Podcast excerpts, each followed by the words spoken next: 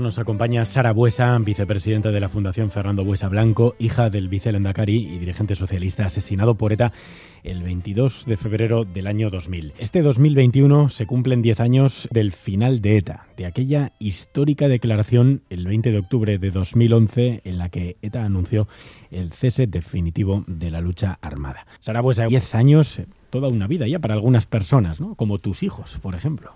Sí, sí, 10 años, efectivamente. Mi hijo pequeño tiene 10 años, así que coincide. Una mm. generación eh, diferente, ¿no? Una generación eh, la que nace en un mundo muy distinto al que, al que te tocó vivir a ti y al que nos tocó vivir a todos. Sí, eso lo pienso muchas veces, ¿no? Que no hay mayor, bueno, tranquilidad para mí que pensar que mis hijos están creciendo en un mundo diferente y que no han vivido ni van a vivir, ¿no? Todo lo que todo lo que hemos vivido nosotros, ¿no? Lo que he podido vivir yo. Mm. Mm, aunque a su manera también lo han, lo han vivido porque perdieron a su abuelo. Eh, ¿Cómo se le cuenta a un niño que ETA mató a su abuelo? Pues con naturalidad. De alguna manera es la historia de mi vida, la historia de nuestra familia, ¿no? Y los niños por naturaleza tienen mucha curiosidad y preguntan, lógicamente, ¿no? Entonces, mm. a medida que han ido preguntando, pues, dónde estaba su abuelo o qué le había sucedido, por qué le mataron, eh, cómo le mataron, bueno, mil detalles ¿no? que pueden preguntar o, reflexiones que ellos mismos se hacen, ¿no? De, jo, claro, tú cuando mataron al abuelito Fernando te pondrías muy triste, ¿no? Porque era tu padre. O mensajes, ¿no? O que, a ellos les van surgiendo de manera natural y que te dan pie a abordar un montón de conversaciones, ¿no? Que te ponen a prueba, pero también te permiten bueno, transmitir y compartir con ellos algo que es muy importante para ti. Es muy importante para ti y es muy importante como sociedad también, ¿no? Contarlo, no olvidar, o sea, que esas nuevas generaciones eh, sepan qué ocurrió aquí durante tantas décadas, ¿no? Sí, a mí, bueno, una preocupación que yo tengo es esa, ¿no? Eh, por un lado, qué que, suerte que, que estén creciendo en otro mundo diferente y que no hayan vivido nada de lo que hemos vivido nosotros, pero por otro lado pienso, ojo, que todo lo que hemos vivido durante tantos años, nuestra experiencia, nuestras vivencias, nuestro sufrimiento, nuestros aprendizajes, que no caigan en saco roto, ¿no? Que, que no se pierdan, que todo ese bagaje es muy importante que lo transmitamos, que de alguna manera eh, creo que nuestro futuro depende de eso, de que nuestros hijos, de que las nuevas generaciones tengan una fuerte conciencia ética ¿no? y estén vacunadas contra la violencia. Y, y, eso está en nuestra mano, porque ellos no lo han vivido, pero nosotros sí y tú además eh, en primera mano y en, primera persona has decidido dar eh, el paso ¿no? de, ir a colegios, de ir a, también a la universidad, la última vez creo que hace tres, tres semanas, a contar ¿no? lo que tu, tu, testimonio, a desnudarte de alguna manera. ¿no? Y me gustaría preguntarte cómo es eso de eh, ponerse delante de unos chavales de 16, 17, 19 años y eso, desnudarse mentalmente, ¿no? contarles tus sentimientos más íntimos, experiencias que, que mm. solo tú puedes contar. Bueno, la sensación es un poco de salto al vacío, ¿no? De, como dices, me siento aquí delante de un montón de personas desconocidas, de chavales, y abro mi corazón y no lo pongo encima de la mesa y comparto un poco todos mis sentimientos, todas mis vivencias y también los aprendizajes ¿no? que, que he podido tener. Entonces, tiene esa parte de exposición personal importante, pero al mismo tiempo es tremendamente gratificante porque, no sé, de alguna forma piensas que estar contribuyendo con tu granito de arena a, no sé, a generar un pozo positivo ¿no? en, esos chavales y, la manera en la que te acogen, con el respeto que escuchan, ¿no? la sensibilidad, la empatía, el impacto que puede tener en ellos ¿no? tu, tu testimonio es tremendamente valioso. Yo creo que de las cosas que puedo aportar es de las, de las más reconfortantes y gratificantes. Luego habláis, eh, los, los, chavales y, tú, no sé si te hacen preguntas o te, te transmiten de alguna manera eh, lo que han aprendido o cuáles han sido sus, sus sensaciones escuchándote. Sí, bueno, preguntan además con muchísima naturalidad, ¿no? Yo creo que igual los adultos tenemos más prevenciones o prejuicios o no a la hora de, de, bueno de preguntar pero los chavales preguntan con mucha naturalidad no una cosa que sí les llama mucho la atención es decir joder y de esto por qué no nos habla nadie no por qué nadie nos cuenta esto porque muchas veces igual ni siquiera en sus casas o, o en ningún otro lugar han abordado este tema no y todo esto ha pasado y, y, no nos lo están contando y ha pasado en una historia muy reciente no vemos igual en, en clase y en los libros estudiamos un montón de cosas y, y, y nadie nos habla de esto no o sea yo creo que ellos tienen curiosidad y ganas de saber. Y luego preguntan así, a bocajarro, pero, pero con mucha bueno, con mucha naturalidad y con mucho respeto, ¿no? Y, eso es bueno, yo creo que es muy bueno. Creo que estamos tan, arrastramos un tabú muy importante a la hora de, abordar conversaciones, ¿no? que, que, para nosotros tienen mucho hierro y mucho peso, pero, pero con ellos es fácil un tabú, por desgracia, que, tenemos que, romper ¿no? como sociedad y contar, transmitir lo que, lo que cada uno vivió. ¿no? Eh, en eso que siempre hemos hablado mucho del relato, los, los, relatos, todos los relatos ¿no? que pueda haber, pero por lo menos que los puedan escuchar, que, que los puedan sentir. En, tu relato, eh, como, como víctima, y es verdad que yo creo que no hay nada peor que eh, meter en un saco a todas las víctimas, ¿no? Cada una sois personas, habéis vivido una experiencia distinta, y tú eres una persona que la verdad, y desde fuera es eh, enriquecedor escucharte, ¿no? Cuando sueles contar, ¿no? Yo elegí no odiar eh, y elegí adoptar una actitud constructiva. Eh, y uno piensa cómo lo puede decir así claro una persona que, a la que ETA ha asesinado, ¿no? aquel 22 de febrero del año 2000 y después de muchos años además con vuestra vida marcada por ETA, por esas amenazas eh, a tu Aita, por, por, bueno, pues ya lo has contado muchas veces, no hace falta recrearnos en, ello, pero ¿en qué momento eliges no odiar? Bueno, esto ha sido un poco un proceso natural, ¿no? Mm, a ver, mm, mi experiencia, como la de tantas otras víctimas, ¿no? Fue muy dura. O sea, es una sensación de, no sé, de desgarro, de ruptura total con tu vida, de pérdida de sentido, de significado, ¿no? De, bueno, es una experiencia muy desgarradora, pero precisamente al mismo tiempo eh, te hace comprender clarísimamente el sinsentido de la violencia, porque yo la he sufrido en mis propias carnes, ¿no? O sea, el, el sinsentido y, y el valor de la vida, el valor tan importante de pues eso, de poder vivir la propia vida con libertad y como uno quiere vivirla, ¿no? Y, y, eso te afianza mucho en unos valores muy importantes. Yo creo que, he aprendido a raíz de mi experiencia a ser más solidaria, a ser más humana, a juzgar menos a la ligera, no sé, a, a, rebelarme contra las injusticias, pero al mismo tiempo tener muy claro que si yo me pregunto qué huella quiero dejar yo en este mundo, tengo muy claro que no quiero dejar una huella de dolor, de sufrimiento, de odio, de, venganza. Quiero dejar una huella de humanidad, de amor, de, de solidaridad y de, y de construcción en positivo. ¿no? Mm. Y en esto también eh, es lo que te decía, es, ha sido un proceso natural que ha surgido así y probablemente también mi familia tiene mucho que ver en esto, ¿no? porque nosotros en todo momento nos apoyamos o nos hicimos fuertes en torno al amor que compartimos ¿no? y, y siempre hemos tenido muy claro que a mí hay una frase que me gusta mucho, una expresión ¿no? para, para reflejarlo, que es que Meita hubiera querido que tuviéramos un corazón limpio esa, idea de corazón limpio, de mirar al futuro con ilusión, con esperanza, con compromiso, ¿no? con vehemencia a la hora de reclamar o de expresar nuestras convicciones o luchar por lo que creemos, pero, pero siempre desde esa clave propositiva, constructiva, serena, reflexiva, ¿no? Y de empatía. Yo creo que derrochas empatía, eh, Sara. Y mm, yo no sé si esa empatía se le puede echar en cara un poco ahora mismo a, la sociedad vasca y sobre todo quizá a los partidos políticos vascos, ¿no? Eh, es fácil reconocer a los míos, lo mío, lo que a mí me ha pasado, pero es más difícil eh, reconocer al otro. Y no sé si Euskadi sigue teniendo pendiente dar ese paso. Bueno, yo, mm, por un lado, en lo que respecta a la sociedad, ¿no? Sí que veo que, bueno, que hay una tendencia a, bueno, a olvidar esto de alguna forma, ¿no? A, bueno, la gente está con otras preocupaciones en otras cosas, ¿no? Que en parte es verdad que muchas personas están con otros problemas mucho más acuciantes en su día a día, ¿no?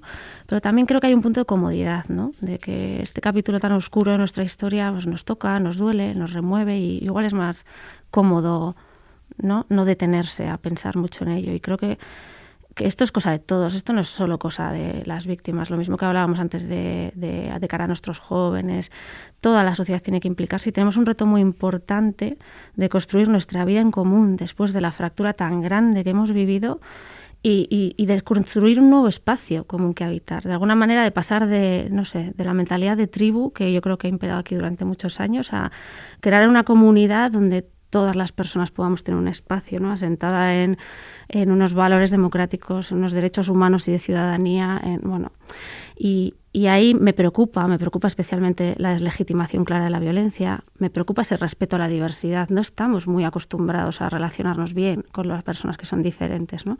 Y eso yo creo que es una cuestión que, que atañe a todas las personas y a toda la ciudadanía. Y luego, en concreto, con la política, yo echo en falta en política un liderazgo político ético, sólido y valiente. Y bueno, yo creo que para empezar, eso, esa parte, esa convicción ética sólida, tú mencionabas, ¿no? La defensa de los derechos humanos. Y, yo creo que tiene que ser una defensa sin peros, sin ambigüedades. Y, bueno, y eso no solo defender, es muy fácil defender los derechos de los míos, de los que siento cercanos, de los que me gustan, ¿no? Pero ¿qué, firmeza de convicción se muestra cuando no aplico la misma vara de medir o no defiendo de la misma manera los derechos de otros, de quienes no me gustan, de quienes piensan diferente, incluso de quienes me hacen daño, ¿no? O sea, ahí se muestra la verdadera convicción. Y yo creo que, o sea, he hecho en falta coherencia en ese sentido. Eh, coherencia. Se, lo echarías en falta eh, a alguien en especial, eh, no sé si a Euskal Herria Bildu por la autocrítica o al Partido Socialista por también la, falta quizás de, una condena clara sobre, sobre el GAL. No sé si se puede concretar de alguna manera. Sí, a ver, yo, mira, a veces cuando cuando digo hablar de bandos enfrentados, ¿no? de situación de conflicto, yo para mí, yo esto lo vivo de la siguiente manera. Para mí, no hay más bandos enfrentados que el de quien defiende, quienes defienden nítidamente y de forma clara los derechos humanos y de ciudadanía de todas las personas y de los de quienes no lo hacen. Y a partir de ahí es desde donde yo puedo hacer mi análisis, ¿no? mi valoración de, de quién tiene cuentas pendientes, ¿no? de alguna forma en este sentido. ¿no? Está claro que para mí, en primer lugar, las personas que, que, han vulnerado derechos de otras personas, eh, las personas que los han, eh, que han justificado que, que, se dieran esas vulneraciones de derechos, que lo han amparado, que de alguna forma han sido condescendientes con ello, pues tienen una tarea pendiente, ¿no? Eh, en concreto, la izquierda Berchale, yo, bueno, yo me siento dolida y defraudada también, ¿eh? O sea, decimos, han pasado 10 años, han pasado 10 años, pero creo que todavía tiene una tarea pendiente de afrontar su pasado de apoyo político al terrorismo de ETA. Creo que tiene que haber una congruencia entre la apuesta que hacen para el futuro y el análisis que hacen del pasado. Y yo no siento que apliquen la misma vivencia a la hora de posicionarse contra el franquismo, contra el GAR o los abusos policiales, por ejemplo, y a la hora de posicionarse contra ETA. Y el mismo respeto que muestran hacia esas víctimas no lo muestran hacia las víctimas de ETA. Eh, puede haber algún mensaje de empatía en un momento dado o de acercamiento, y es verdad que los hay, pero esos mensajes no pueden ser compatibles con mantener un mensaje de condescendencia, cuando no de apoyo en algunas ocasiones a lo que ha supuesto ETA. Es incompatible. O sea, un mensaje de empatía en sí mismo no vale. La empatía te tiene que llevar a, a querer hacer algo por aliviar ese sufrimiento, por remediarlo, por, por repararlo de alguna manera. Y yo creo que eso no se da. Y luego, bueno, en relación a las víctimas del GAL, ¿no? que, que comentabas, por ejemplo, a ver, yo creo que objetivamente es verdad que las víctimas de ETA en general hemos tenido un mayor acceso a la justicia o al reconocimiento que las víctimas del GAL.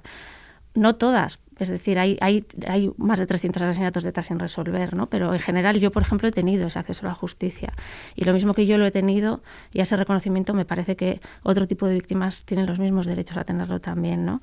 Eh, yo eh, creo que lo que es el Estado ¿no? o, el Gobierno, a nivel de mensaje, yo sí que he visto una rotundidad de mensaje, de posicionamiento claro y rotundo contra Ergal, por ejemplo, ¿no? que estamos hablando, contra los abusos policiales.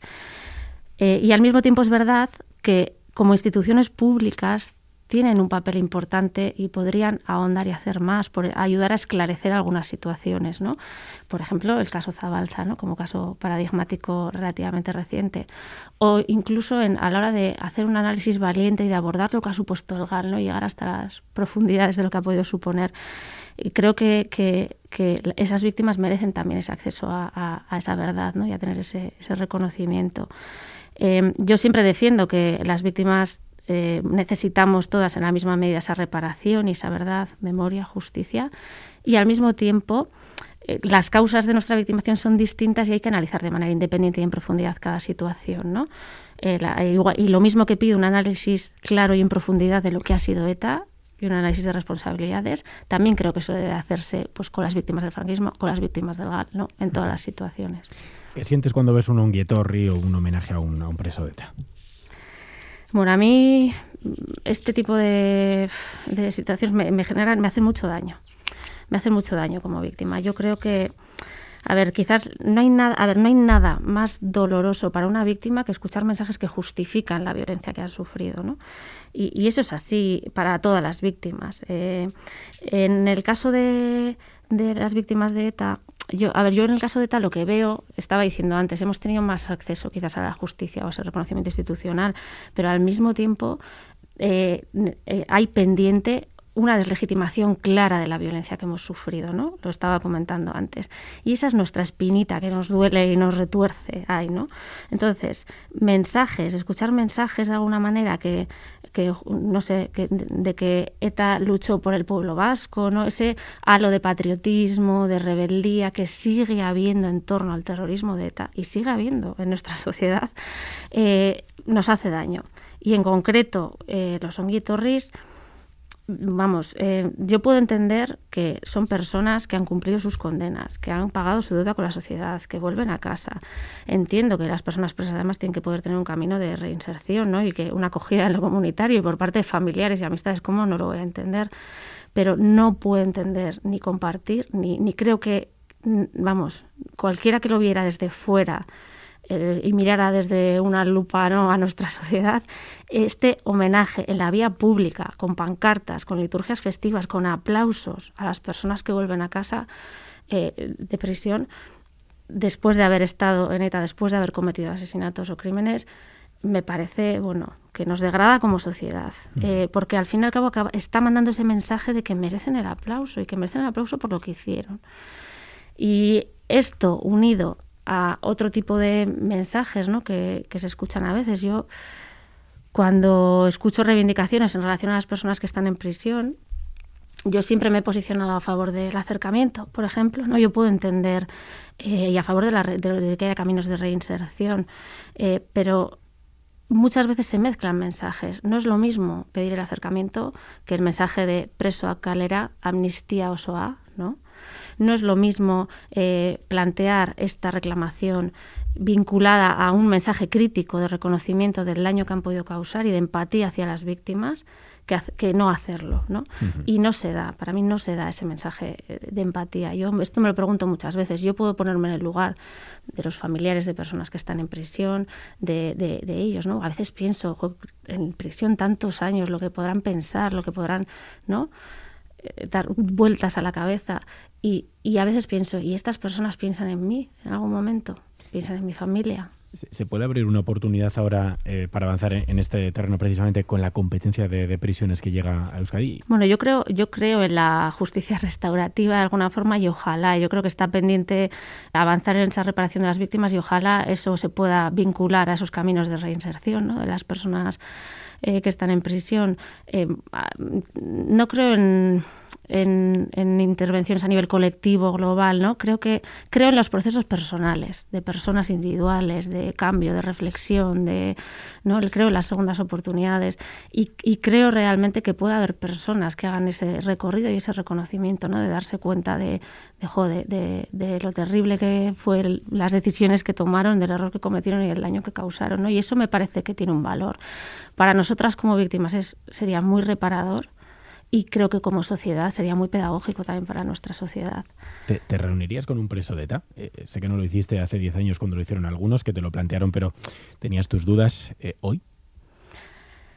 Pues no lo descartaría tampoco. A ver, hablar, y de hecho ya he estado en, vamos, en, una, mesa relativamente cerca, ¿no? Con, por ejemplo, con Urro Solo, ¿no? Que existía, que vino, bueno, dentro de nuestro seminario, la fundación que hicimos de víctimas y política penitenciaria, pues le invitamos a venir porque nos parece que también su aportación es una aportación valiente, ¿no?